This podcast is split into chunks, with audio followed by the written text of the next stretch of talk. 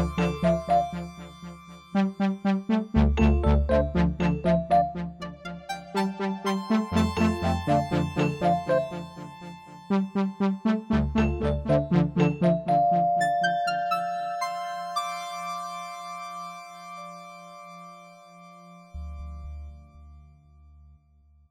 Welkom bij de aanbiedingspodcast van uitgeverij Pluim. Mijn naam is Chris Keijnen en ik spreek met schrijvers, een vertaler en pleitbezorgers van negen zeer behartenswaardige boeken die in het najaar van 2019 en het prille begin van 2020 verschijnen. De zevende gast is Hans Steketee, redacteur van NRC Handelsblad en hij schreef De Warnau, een schip, een man, een droom. En uh, ja, de, de uitleg op uh, het voorblad van uh, de aanbiedingsfolder is... Schip vermist op de Noordzee. Dag Hans. Hallo. Waarom wilde jij alles van dit schip weten? Uh, om te beginnen moest ik er alles van weten, want ik kreeg de opdracht voor de krant om uit te zoeken wat er gebeurd was in april 2013. Toen er een kort bericht op teletext stond: Nederlandse zeilboot vermist op de Noordzee. En ik was verslaggever kreeg de opdracht uh, uit te vinden wat daar achter dat bericht schuilde. Mm -hmm. En al snel ontdekte ik dat het niet om een gewone zeilboot ging, maar om een vrij wrakkig uh, verbouwd loodsbootje. En dat het niet om klassieke zeilers ging, mensen die in polo-shirt met horloges op een hellend scheepsdek zitten, maar dat het ging om een groepje ja, hippies, dacht ik aanvankelijk. Dat mm. bleek ook genuanceerder te liggen. Mm.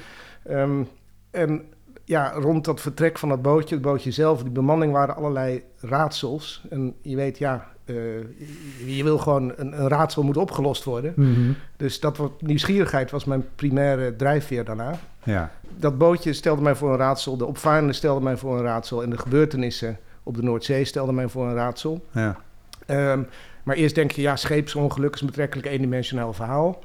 Uh, maar dat, dat bleek toch wel uh, ja, ingewikkelder en genuanceerder uh, te, te liggen. Je kreeg sterk de indruk dat deze mensen aan een roekeloos avontuur waren begonnen.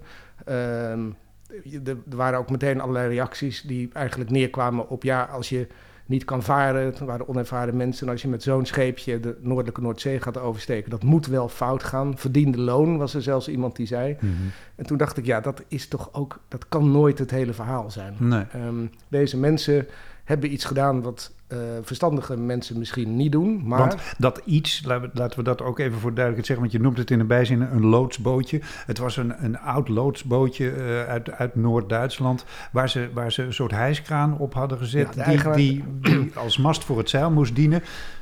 De eigenaar van de boot heette Arno, uh, Arnoud Brinkman, een jongen uit Schiedam. De, de, hij was 48 jaar oud toen hij aan die reis begon.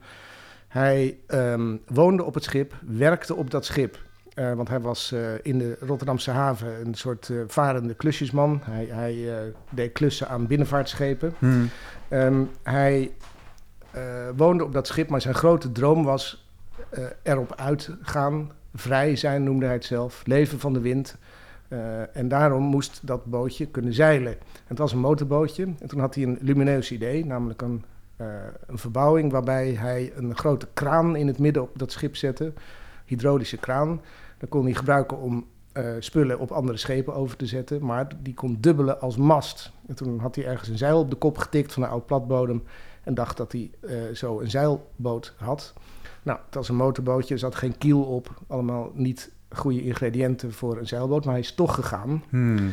Uh, en het doel van de reis was om naar het Noorderlicht te gaan. En of dat nou een droom was of echt een concreet plan, dat zullen we nooit meten. Maar in ieder geval, ze noemden hun reis um, de Warnow Experience Aurora. Ja. Aurora is de, het Noorderlicht. Ja, er waren heel veel dingen die je wild, wilde weten. Je hebt ook heel veel verschillende dingen uitgezocht. Je hebt de geschiedenis van, het, van, het boot, van de boot zelf uitgezocht. De geschiedenis van deze Arnoud, maar ook van zijn passagiers... die gedeeltelijk met hem verdwenen zijn... gedeeltelijk halverwege zijn, zijn afgestapt. Het is een ongelooflijk verhaal, maar dat, ja, daarvoor moeten mensen echt het boek lezen. Um, wat is de, de, de grootste ontdekking die jij hebt gedaan... waarvan je nou nooit had gedacht dat het zo in elkaar zat?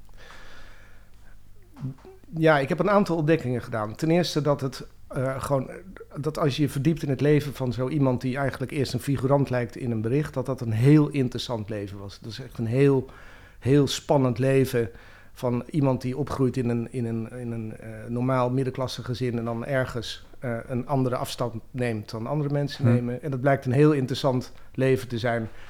Iemand die eigenlijk naast de samenleving gaat, gaat leven. Het is een wereld die ik totaal niet kende. Het is ook een soort tijdsbeeld van de jaren tachtig. Je krijgt doorkijkjes met, met drugsverslaving en afkikken. hij zou boos geworden zijn als je hem hippie had genoemd. Eerder een soort nihilist. Een wereld die ik niet kende hm. en waar ik wel nieuwsgierig naar was. Ik denk dat ik ook heb uitgevonden wat er op dat laatste moment gebeurd is, halverwege Schotland en Noorwegen. Ik weet het niet zeker, maar ik weet een aantal, dat een aantal alternatieve verklaringen voor het verdwijnen van die boot, uh, dat die zo goed als uitgesloten kunnen worden. Uh, dat is echt een, uh, een, journalistieke ontdekking. En het derde is, um, Arnoud heeft zijn scheepje verbouwd tot een, ja, mag je wel zeggen, een karikatuur. Het was een, een heel echt raar schip, een, een nog onzeewaardiger dan het al was. Um, en ik vond dat ontdekte op een gegeven moment bij mezelf dat ik dat onrechtvaardig vond. Ik, uh, ik, ik, dacht, je hebt dat scheepje behandeld op een manier die het niet verdient. Je hebt ah. een brave scheepje dat in, Noor, in Noord-Duitsland voor de kustwateren is gebouwd, een leven lang braaf heeft gewerkt, 30 jaar lang loodsen heeft overgezet op schepen. Heb jij um, uh, onterecht behandeld. Je hebt gedaan alsof het scheepje geen verleden had. Hm. En het derde onderdeel van het verhaal is uh, dat, dat ik wilde dat scheepje zijn verleden teruggeven. Ja, ja. En ik, het is gewoon een nederig bootje. En ik geloof dat ik dat, uh, dat wel gedaan heb. Dat, ja. dat was ook wel een ontdekking, moet ik zeggen. Je bent zelf uh, zeezeiler. Herken je iets in Arnoud of voel je meer met het scheepje mee? Nou, ik, ik, ik, in, ik, in zekere zin... Nee, ik voel me echt wel verwant, verwant met Arnoud. Arnoud wilde uh, de zee op.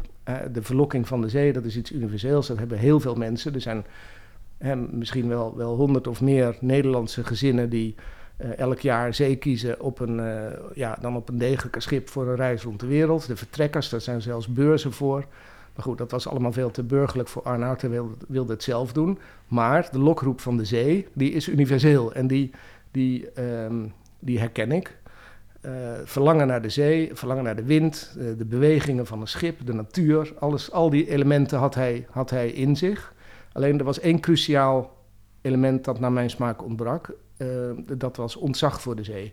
Want ik denk dat je alleen uh, goed en verstandig uh, op zee kunt gaan als je niet alleen van de zee houdt, maar ook een klein beetje bang bent.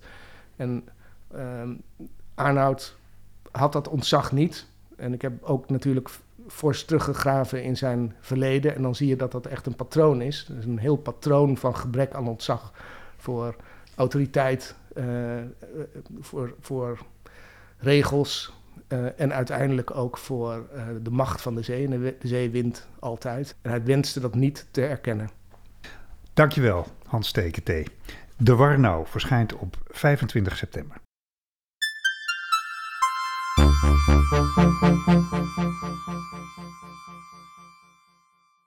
En dit was bijna de aanbiedingspodcast van uitgeverij Pluim. Ik geef u nog één keer alle titels en schrijvers van de negen besproken boeken. Audrey Lord, Sister Outsider. Kwame Anthony Appia, De Leugens die ons binden. Hans Steketee, De Warnau. Swordkill met het Smibbenese woordenboek 2.0. Thomas van der Meer, welkom bij de club. Esther Kinski, Kreupelhout. John Jansen van Galen, Fiasco van Goede Bedoelingen.